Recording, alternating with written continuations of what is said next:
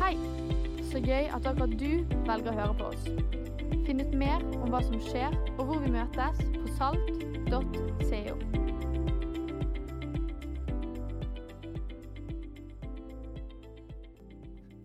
Så fint. Kjekt å se dere. Kjekt å høre deg eh, være mitraljøse, Øystein. Gi gass. Du, det var jo meg som fikk lov å vie disse herlige to. Det var en sommerdag. 8. juli var vi sto på taket av Fjellhaug bibelskole med hele Oslo. Og så de herlige to her som sa ja til hverandre. Det var en eh, festdag. Kjekt å se dere igjen. Håper du har hatt en god sommer. Vi er klimaflyktninger, meg og min eh, kone, om sommeren. Det betyr jo altså at eh, hun sier at Skien alltid er bedre enn Bergen når det kommer til å feire sommer. Men det var løgn i år. Det var ikke sant i det hele tatt. Jeg har vært liksom brukt masse penger på innendørsaktiviteter i Skien. Det er jo ikke en greie i det hele tatt å bruke liksom masse penger på klatrepark og Leos lekeland og sånne ting på, på sommerstid. Men det måtte vi gjøre. Det var desperat bruk av kredittkortet for å komme oss gjennom eh, Skien-sommeren. Men vi klarte noen høydepunkter også. Eh, nå skal ikke dette handle om min sommer, men dele noen, noen høydepunkter, så kan du få litt, uh, høre litt fra deg etterpå også. Vi har vært altså på Østlandet, litt lenger øst. Denne mannen her har altså i et desperat behov på å imponere, imponere sine barn trosset høydeskrekken sin. I Liseberg er det en, en attraksjon som heter Atmosphere, altså atmosfrykt. 146 meter ta, dras du bare opp mens beina dine dingler. Så bare slippes du ned. Og jeg, jeg, var, jeg var nær til Jeg tok den to ganger fordi at Milja ville, og så ville Noel etterpå. Så jeg bare sånn, kunne ikke du ha hatt lyst i sted med å gjøre det om igjen med deg? Men jeg fikk, jeg fikk frykten ut av meg. Uh, nei da, jeg klarte det akkurat. Så det har vært veldig stas å ha med ungene på U-festival. Ariana og gjengen har vært i, der og hatt med seg masse ungdommer herfra. Og sammen med masse andre ungdommer fra hele landet så var det en gigantisk ungdomsfestival på Helmartoppen med tydelig fokus på sannhet og Jesus etter følelse. Og mine to barn sparket i gang sin nye sommer... Eh, sommeraktivitet si, å være fast på U-festival hvert eneste år. Det blir, det blir veldig veldig stas å se det mer i årene som kommer. Og så på, kom vi hjem igjen nå i forrige uke. Da fikk jeg dra ut på Askøy og se lille, siste skuddet på stammen. Klara Emilie. Siste niesen. Eh, Hans Fredrik og Hanne Solvår, som hadde fått en liten prinsesse. To gutter. Så endelig fikk eh, søstera mi prinsessen sin også. Så da tror jeg hun tenker at mission accomplished. Vi får se. Eh, vi var ute der og holde henne. Det var kjempestas. Jeg er jo fra en stor søskenflokk. Vi er fire gutter, også denne jenten. Da. To gutter, prinsessen i midten, og to gutter som er helt uh, yngst. Uh, og disse her karene de ser ca. sånn ut. Sterke inntrykk på gudstjeneste i dag. Dette er altså et bilde av uh, fire kapser som henger i løse luften. Eller så er det et bilde av fire stykker som forsøker å ligne veldig intenst på hverandre. Det, jeg postet dette på Facebook for en tid tilbake, og da var det noen som genuint ikke så hvem som var meg. Nå har jo dere juksa litt med å se meg her, men dette er sterke inntrykk. Dette er tre gutter som har vokst opp eh, med, med mye tap i livet sitt. Mye nest best, mye nest raskest, mye eh, nest sterkest, mye nesten. Skulle ønske det var sant. Disse er som regel bedre enn meg i det meste. Mathias, Simon og Benjamin er, har ikke lidd med meg som storebror. De har klart seg ganske greit i konkurranser. Men dagens bibelforfatter, overgang, har klart seg ganske dårlig, ser jeg for meg, i det han konkurrerte med sine brødre. Han sa tre lillebrødre, det hadde han, men han hadde en irriterende storebror. En sånn storebror som jeg ser for meg at eh, var, hadde visse fordeler. Eh, både når det gjaldt å løpe fort og løpe på vannet. og i det hele tatt. Jeg snakker om Jakob, halvbroren til Jesus. Det er han som skal få være bibelforfatteren i dag, som vi skal ta med oss. Jeg ser for meg en Jakob, rød og svett, inn til andreplass i Nazaret City Marathon. Ganske frustrert over at storebror bare la inn et sånn siste gir. Det var sånn siste oppløpssiden. Da hadde Jesus et ekstra gir. Men Jakob han vokser opp med Jesus som denne storebroren. Men enda mer enn en storebror så må Jakob gjøre den omstillingen i tankene sine. At dette ikke bare er han der som er litt sterkere og litt raskere og litt mer av alt. Han er En som sier om seg sjøl at han er mye mer. Han er Guds sønn. Jakob han ser Jesus bli lederen av en disippelflokk. Han ser Jesus han begynne å samle folk rundt seg og hører på de ordene han sier, og ser de gjerningene han gjør. og Det begynner å skje noen tankeprosesser hos Jakob. Men Johannes kapittel 7 der står det at både Jakob og noen av de andre brødrene syntes at det der var litt sånn krevende å omstille tanken, eller å se et større bilde enn at bare Jesus var storebror. Men Jakob er jo en som har skrevet et brev i denne boka her, og som blir en leder for kirken i Jerusalem. I 1. Korinterbrev kapittel 15 vers 7 så står det om at Jakob og Jesus får, etter at Jesus har stått opp for de døde, noen minutter eller kanskje noen timer på tomannshånd, bare de to. Tenk på den samtalen. da. Tenk på det endringen av tankesett. Tenk på den game changeren det er i Jakobs liv. At han ser at storebror er Guds sønn. Fra halvbror til frelser, fra storebror til Guds, Guds sønn. Jeg vet ikke hvordan du ser på Jesus om du kommer inn i dette rommet her til gudstjeneste i dag med en lang trosreise med en avklart tro, eller om du har en dose nysgjerrighet og kanskje til og med noen spørsmål som du syns er krevende. Bare oppmuntre deg med Jakobs trosreise. Han fikk ta sin tid. Han fikk se Jesus på stadig nyere og større måter. og Så kom det til et punkt for han der han valgte å følge Jesus og kalle Jesus for Herre. Og Du kan også få ta den tiden. og Dette er et menighetsfellesskap der det skal være rom for å gå en sånn reise av å utforske hvem Jesus er. Men Jakob han blir en bærebjelke, og ikke bare en bærebjelke, han blir en brevskriver etter hvert. For det, det, som skjer med kirken i Jerusalem, der han er pastor, det er at den blir spredd for alle vinder. Etter at Stefanus blir steinet i Apostlenes gjerninger kapittel 7, så spres den kirken for alle vinder. Og Da blir han en sånn som ikke kan legge ut podkast for å nå fram til alle disse i de forskjellige kirkene, men han må skrive et brev. Et rundskriv som blir det som sendes rundt om til alle fellesskapene rundt middelhavsområdet. Litt sånn som ordspråkene. Litt sånn som eh, Jesus' sin undervisning i lignelser og i bilder. Sånn finner vi Jakob i dag når vi skal lese noen avsnitt fra hans brev.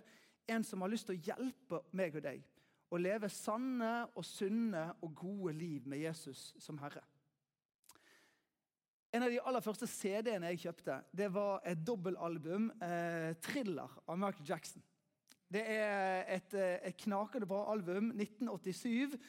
En av hans egne favorittsanger har denne teksten her. Det var fristende å dra den opp på Spotify og la oss høre på den også, men, men jeg hører, tenker du hører melodien i hodet ditt allerede. I'm starting with a man in the mirror. I'm asking him to change his ways. No message could have been any clearer. If you want to make your world a better place, take a look, look at yourself. Then make a change og alle skjønner at jeg ikke skal synge for dere. Eh, det ville vært helt eh, grusomt gjort mot Michael Jackson. Men det er fascinerende med den poplåten der å hoppe inn i Jakobs brev og finne nesten det som kan virke å være en slags inspirasjonskilde. Ikke vet, jeg om Michael Jackson var en ivrig leser av Nytestamentet, men hør på disse ordene her, da. Jakob 1,22. Dere må gjøre det ordet sier. Ikke bare høre det, ellers vil dere bedra dere selv. For den som hører ordet, men ikke gjør det ordet sier, han ligner en mann som ser på ansiktet sitt i et speil. Han ser på det, går sin vei og glemmer straks hvordan han så ut. Men den som ser inn i frihetens fullkomne lov og fortsetter med det, han blir ikke en glemsom hører, men en gjerningens gjører. Og et slikt menneske skal være lykkelig i sin gjerning. Lykke ifølge Jakob, når han beskriver det så enkelt som dette, kommer av at det finnes en sammenheng, en logikk, et samsvar. At det vi hører, er noe vi gjør noe med. Vi handler på det. Jesus han sier det litt langs de samme linjene i dette verset som vi holdt høyt for et par semestre siden i en prekenserie. Det står hvis dere blir i meg, og mine ord blir i dere, da be om hva dere vil, og dere skal få det. For ved dette blir min far æret, at dere bærer mye frukt og blir mine disipler. Så for det første bli i meg, eller bli i mine ord, eller hør det ordet sier. Det er så utrolig mye som uh, høres i løpet av uh, en uke. Det jeg har uh, fylt min uke med av lytting, er kongerekker på NRK. Podkast. God venn når du skal male mye hus. Det er en eh, kjedelig ting å gjøre uten ord på øret. Og så har det blitt liksom kongerekka med Are Sende Osen. Så blir det mye av det. Så begynner jeg å tenke på det. Merker Jeg går rundt og lurer på liksom, den, hvordan var det med den kongen og den kongen. Det er rart hvordan det du gir ditt øre til, blir med deg videre inn i både det du tenker på utenom, og til og med hadde jeg en drøm Jeg husker ikke så mye om drømmer, men jeg er ganske sikker på at i en drøm så drev jeg og slaktet noen engelskmenn og noen dansker og noe greier. Men det, det var ikke bra. Jeg, egentlig like greit at jeg ikke husker den drømmen der. Men kongerekka har dominert denne uka her. Det er så mye som blir formidlet til meg og deg. Jakob han sparker inn den åpne døren, eller det velkjente poenget som jeg og deg har en full innsikt i, at det betyr noe hva vi gir oppmerksomheten vår til. Det er med å forme tankene våre og følelsene våre, perspektivet vårt på verden. Det å se inn i frihetens fullkomne lov, altså Guds ord, ikke bare én gang, men flere ganger, det er et godt sted å vende sitt øre. Men så sier Jakob det at vi bedrar oss sjøl, eller vi lurer oss sjøl, eller vi stopper halvveis. Eller vi, vi, kommer ikke helt i mål hvis vi bare tenker at det å høre hvis vi bare tenker at det å høre er poenget. Og Der blir jo vi fort litt sånn piggene ute og tenker at det handler om krav og forventninger. Han prøver rett og slett å bare si at det er en logikk her. Det er en åpenbar logikk. Og Bildet han bruker, er det samme som da Michael Jackson har eh, hentet sin inspirasjon. kanskje. Han sier I'm looking at the man in the mirror. Altså en som ser seg i speilet og legger merke til, i mitt tilfelle, eh, kraftig sovehår. Eh, potensialet for å barbere, få vekk litt eh, si, hår her og der, og få vaska seg og ordna seg og pussa tennene. og i Det hele tatt, det er helt naturlig å se seg i speilet og forholde seg til at speilbildet gir noe informasjon om hvordan jeg kan forberede meg for denne dagen. Og så er det jo en farlig ting for oss, som det er kanskje for, for mange mennesker. Men jeg tenker på denne her religiøsiteten. At vi kan gå i fellen av å tenke at det handler om å opprettholde et ytre. At vi nå snakker om fasade og putte på happy face når vi kommer til smågruppen eller kirken, eller får alt til å se ut som det er såre vel. Jakob sitt eh, poeng er ikke å kle deg opp til maskeradeball og få alt til å se bra ut på utsiden. Han snakker om at det skal treffe oss helt inn i hvordan vi lever livet. Å høre Guds ord og gjøre noe med det, det handler ikke for meg og deg om verken fasade eller merarbeid eller hjemmelekser, eller at nåden ikke er nok i seg sjøl. Det handler om den store bildet av at den som er lykkelig, er den som kjenner at de ordene som gir mening for meg når jeg hører de, de kan også få komme ut i et fornyet liv. Salige er de som hører Guds ord og tar vare på det, sier Jesus. Han sier at det er naturlig, det er frigjørende, det er et godt liv å leve. Og la hørelsen og gjørelsen håper jeg, si, henge i hop. Jeg har lyst til å ta dere med til tre speilbilder i dag. Det er min, eh, mitt mål at Jakob skal få si noen ord til til oss. Noen speilesituasjoner til. Sånn at det ikke bare blir med denne oppfordringen av å høre og gjøre, men vi skal faktisk få møte det fra tre ulike steder i dette brevet. For det første om nestekjærlighet framfor forskjellsbehandling. For det andre om kjærlige ord framfor kraftuttrykk. Og for det siste om søskenkjærlighet framfor å være seg sjøl nok. Jakob han er kjent for å være kanskje, sånn jeg har opplevd det, liksom en av de tydeligste forfatterne. En av de tydeligste stemmene i Det nye testamentet når det gjelder å sette ord på hva etterfølgelse av Jesus ser ut som. Og Da er det jo alltid potensial for at meg og deg kan velge å bli fornærmet. Velge å liksom bli sånn Det der var litt voldsomt. Men jeg har lyst utfordre meg og deg på heller å velge å tenke at vi kan bli fornyet istedenfor å bli fornærmet. Nestekjærlighet. En lignelse.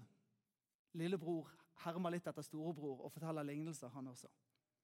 Sett at det kommer to menn inn i forsamlingen deres. Den ene er i staselige klær med gullring på fingeren, den andre i fattige og i skitne klær. Så legger dere merke til han med de staselige klærne og sier, 'Vær så god, her er en plass.' Men til den fattige, 'Du kan stå der bak.' Eller 'Sett deg her nede ved føttene mine på gulvet.' Har dere ikke da skapt et skille blant dere? Men Dersom dere oppfyller den kongelige lov i Skriften, du skal elske de neste som deg selv, da gjør dere rett. Jakob han sier det bare rett ut eh, inn til den gjengen som hører på for første gang, og også som hører på i denne omgang. Det er helt umulig for folk som bekjenner Jesus som Herre, for kristne å samtidig gjøre forskjell på folk. De to tingene går ikke i hop. Det er ikke mulig å forene det å ha en kristen bekjennelse med å drive med forskjellsbehandling. Så ta denne lignelsen her oss inn i kanskje det som er en av datidens største skillelinjer i befolkningen. Det er om lag 5% av den befolkningen som han snakker til, som er særs rike.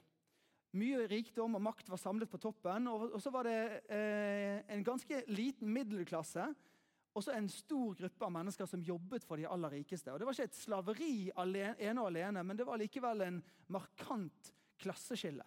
Det var en markant forskjell, og det blir illustrert i fortellingen. der jeg snakker om disse med de staselige klærne. Det var de fornemme. Det var, alle visste hvem de personene var i lokalsamfunnet når de mottok dette brevet.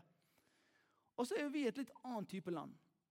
Der er, Selvfølgelig fins det fattig og rik. Det fins fortsatt materiell eh, velstand som er fordelt skeivere enn det burde være. Men det er kanskje andre måter å forstå forskjell på. For det er lett å lese en sånn bibelvers og så tenke liksom Hvor dumt høres det ut, da? Vi hadde jo aldri gjort det. Og ja, kanskje vi hadde klart akkurat balansegangen der på fattig og rik, og være høflig og ordentlig nok i vårt privatliv eller som menighetsfellesskap til at vi hadde klart å gjøre en riktig tankerekke i det øyeblikket. Men utvid prinsippet litt. Da. Hva er andre måter meg og deg, bevisst eller ubevisst, forhåpentligvis ubevisst, gjør forskjell på folk? Det kan handle om eh, utdanningssamfunnet og det rare som oppstår når vi ser hverandre gjennom linsen av jobber vi har, eller jobber vi ikke har, eller hvordan det der har blitt for oss i livet. Det kan handle om utseende skjønnhetsidealer og eh, pene mennesker som får mer oppmerksomhet, og så skjer det et eller annet med oss rundt det. Det kan handle om etnisitet, det kan handle om karriere, det kan handle om penger og eiendeler. Det kan handle om kjendiseri. Det er mange ting som sniker seg inn i måten vi møter hverandre og andre på. Og Denne bibelteksten her, dette speilet her, utfordrer oss på å se oss i speilet og si evner jeg å se alle mennesker likt. Jesus han sier det, og Jakob siterer det. Du skal elske det neste som deg selv. Det høres ut som et fantastisk flott bibelvers å skrive på speilet og memorere. i det hele tatt, Men flytt det ut i praksis. da. Hva betyr det å elske det neste som deg sjøl? Det betyr, tenker jeg, f.eks. at jeg kan sitte meg ned med hvem som helst.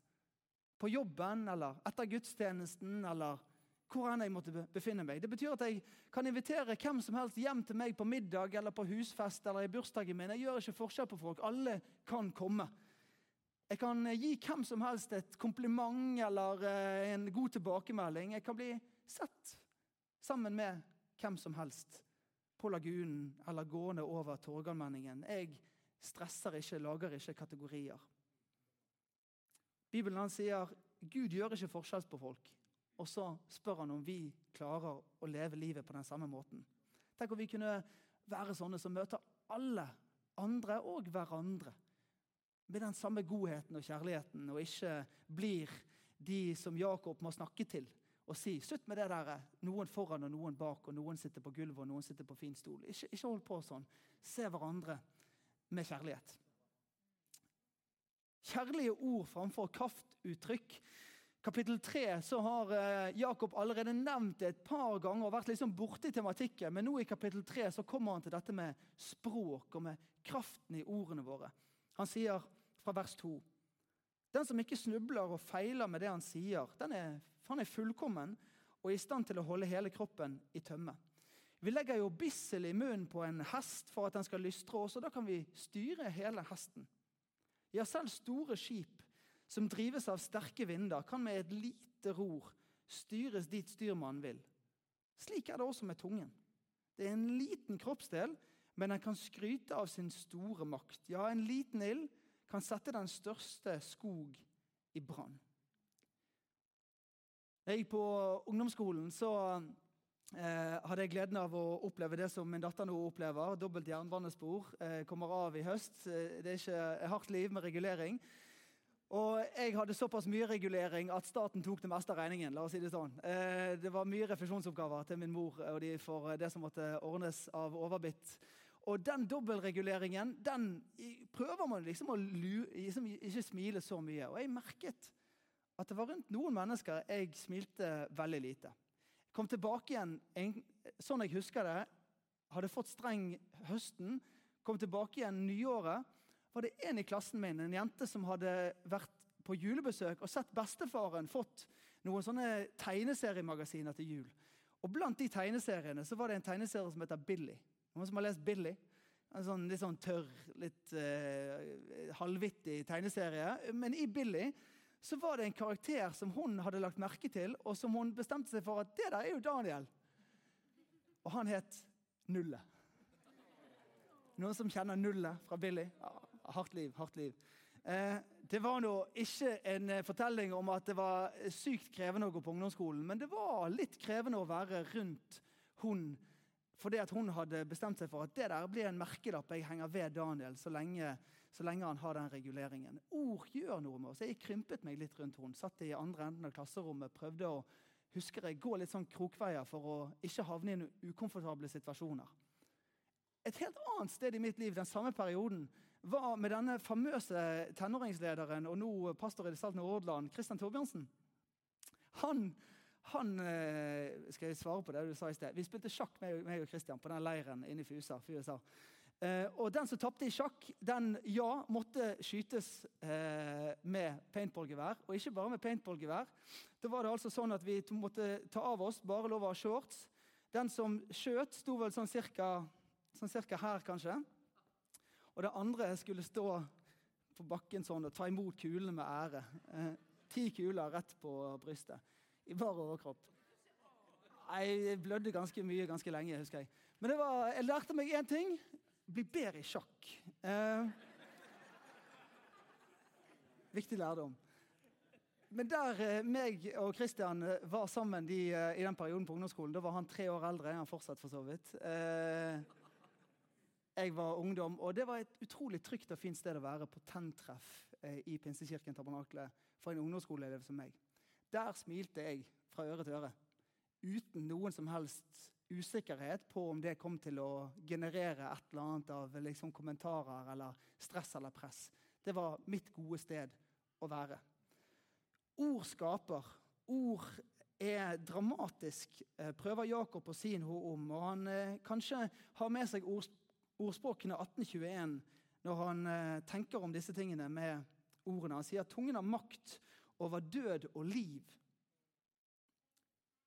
Og så står det i illustrasjonen her, en eh, illustrasjon som eh, involverer hester, og en annen som involverer skip, at det er enorm påvirkning på eget liv og andres liv.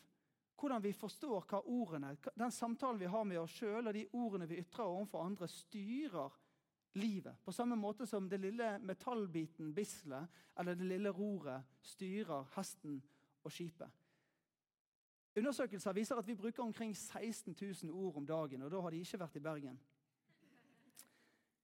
Men ord er ikke bare ord. Ord skaper noe. Det krymper, det øker, det setter retning.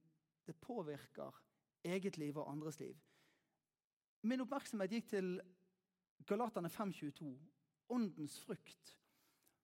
Og så tenkte jeg på disse eh, beskrivelsene av en sunn kristen karakter, eller av åndens frukt, eller av det betyr å se ut eh, Bli mer av deg. Hvis jeg sier 'mer av deg, Jesus', hva ber jeg om mer av? Jo, kanskje åndens frukt er et svar på det. Og Så leste jeg de, og så prøvde jeg å legge merke til hvilken av de handler om ordene mine. Og En av de som er beskrevet der, er vennlighet, og en annen er godhet. Tenk at det som åndens frukt handler om, handler ikke bare om gjerningene våre og handlingene våre og aksjonene våre. Det handler også om ordene våre. Vi kan få lov å be Den hellige ånd om hjelp til at ordene våre er ladet med vennlighet og med godhet.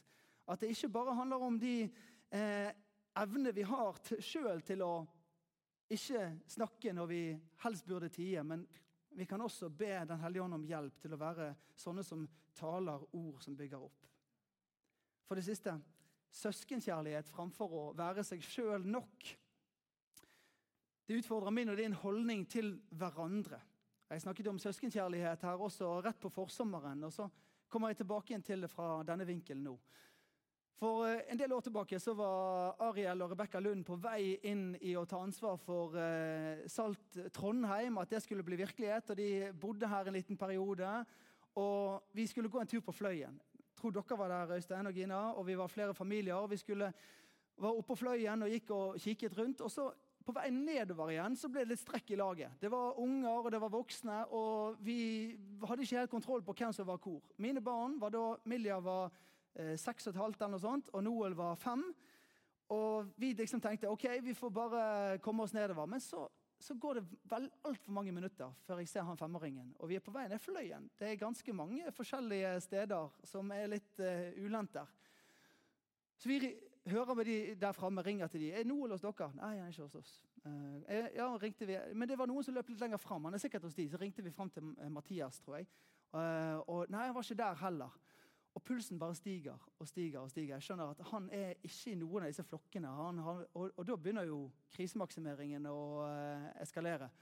Så vi løp rundt der eh, som best vi kunne. Jeg husker Blodsmak i munnen. Prøvde å finne ut hvor i all verden han befant seg. Så var det jo selvfølgelig sånn at han befant seg mellom en gruppe som var mellom en gruppe var, Det var en Tour de France av grupper. Eh, der for å si det sånn. Han var ikke i peloton, men han var heller ikke i eh, de andre franske ordene. Han var å finne. Men denne følelsen når du tror du har mistet noen, eller tror du har mista kontroll, du mista oversikt, den panikkfølelsen eller den, den, uroen eller det ubehaget, det er en ekte følelse. Og det Jakob avslutter med, er en eh, oppfordring som går kanskje til den følelsen. Og litt i strupen på en overdrevet individualisme og selvsentrerthet og privatisering av alt som har med tro å gjøre. Han sier i avslutningsvis i kapittel 5 av Jakobs brev.: Mine søsken, dersom en av dere forviller seg bort fra sannheten, og en annen får han til å vende om, så skal dere vite. Den som får en synder til å vende om fra sine ville veier, berger sjelen hans fra døden og skjuler en mengde synder.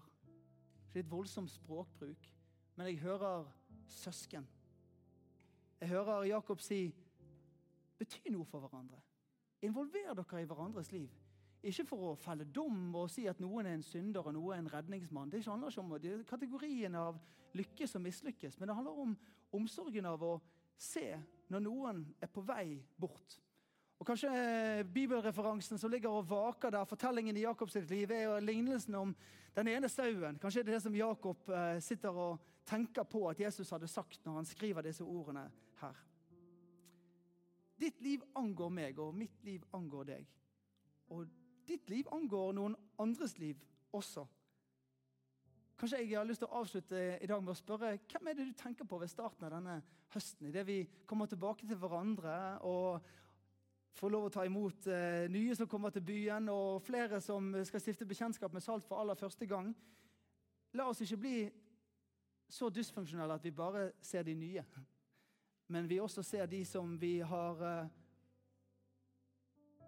sett mye men som vi ikke ser så mye lenger. Og livet skjer med oss alle. Livet skjer med oss alle. Vi havner ute av hakk, og vi, eh, livet skjer, eh, kaster på oss noen utfordringer. og vi prøver å riste det av oss og håndtere det. og Noen søker hjelp, og andre syns det er litt krevende å søke hjelp. Og så baler vi med hver vår livsreise. Men denne bibelfortellingen her, og disse ordene fra Jakob er mitt speilbilde til mitt eget liv og til ditt liv denne formiddagen. Vi kan være sånne som går etter hverandre. Ikke for å peke finger eller for å felle dom, men for å invitere tilbake igjen til smågruppen. Invitere tilbake igjen til menighetsfellesskapet, invitere tilbake igjen til middagen. Hvem er det du kjenner som du kunne strekt ut en hånd til ved starten av denne høsten her? Det hadde vært en nydelig måte å høre ordet og gjøre noe med det. Skal vi reise oss sammen? Jesus han sier, 'Hvis dere blir i meg, og mine ord blir i dere', Be om hva som helst, og dere skal få det. For ved dette blir min far æret, at dere bærer mye frukt og blir mine disipler. En disippel er altså en som har et åpent øre, et åpent hjerte. En eh, ønske om å la seg fornye ved å høre Guds ord. Hjemme, over Bibelen på frokostbordet, i gudstjenestefellesskapet, når vi samles som smågruppe. Vi hører ordet. Og så spør vi oss sjøl hva kan jeg gjøre med det. Hvordan kan dette omgjøres til mer enn poesi på speilet, men til uh, endret liv? Våre tre speilbilder i dag utfordrer oss på å være sånne som ikke forskjellsbehandler, men elsker vår neste. Ikke være sånne som eh, kaster om oss med kraftuttrykk og ord som forvirrer, men ord som er fulle av kjærlighet og gir løft og gir hjelp til folk. Og det siste speilbildet at vi bryr oss om hverandre som søsken og ikke er oss sjøl nok. Vet ikke hvilket uh, av de speilene som du kjenner at uh, du ble blendet mest av, eller som skapte en refleksjon i deg, men la oss be sammen om at Den hellige ånd hjelper oss å være ordets hørere og kjenne på privilegiet av det sunne og sanne og gode av å være ordets gjørere også. Takk, Herre, for uh, at når vi samles til gudstjeneste, så er ikke det bare for å høre på hverandre og møte hverandre, men vi får lov å åpne livene våre for det som du taler. Jeg ber om at uh, Jakob i dag skal ha blitt hørt, og ikke meg. Jeg ber om at ditt ord i dag skal ha blitt hørt, og ikke mine fortellinger. Jeg ber for mitt liv og for våre liv om at du skal uh, la oss få lov å speile oss og kjenne på at det formes og fornyes noe i oss når vi leser ditt ord. Er for eh, de som kjente at det sanksjonerte med forskjellsbehandling. Gi oss nye øyne. Takk for at du gir oss nye øyne igjen og igjen. Vi kan avsløre løgntankene og, og de usunne trekkene i oss som eh, pushes på oss. Jesus, gi oss nye øyne, nyet, fornyet blikk på hverandre og andre. Vi ber om å være sånne som elsker vår neste som oss sjøl. Takk, Herre, for at eh, ord har betydning. Dine ord til oss har betydning. Når vi hører dine ord, så skaper de liv. Så jeg ber om at vi skal også få være sånne som gir den type ord videre. For at det ikke er atferdsmodifisering eller et, eh, en melding om å skjerpe seg, men takk for at det er en bønn Hellig Ånd om å komme oss til unnsetning. For åndens frukt, som er vennlighet, godhet, selvbeherskelse. For at vi kan ta imot Hellig av din hjelp til å være sånne som taler ord som setter folk fri og skaper glede.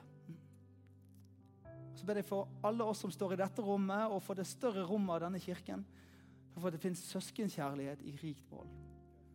Vi ber om det. Vi ber om en høst av søskenkjærlighet, av gjensynsglede, av omsorg, av involvering, av eh, en utstrakte hender. Herre, vi ber om å få lov å gå etter hverandre i kjærlighet for å invitere til å følge deg sammen. Vi ber om frihet fra fordømmelse, frihet fra kategorier og eh, båsetting. Ber om å få være én sunn, stor familie som stadig vokser, og som tar vare på hverandre langs veien. Vi ber om det i navnet Jesus. Amen. Vi skal lovsynge. Du kan få gå til forbønn, eller få tenne et lys det, hvis det kjennes meningsfullt i noe som du står i. Og så eh, bevarer vi roen og lar ordene få lov å synke inn mens vi tilber Jesus. Takk for at du hørte på. Håper vi snakkes enten her eller i kirken neste søndag. Ha en nydelig uke.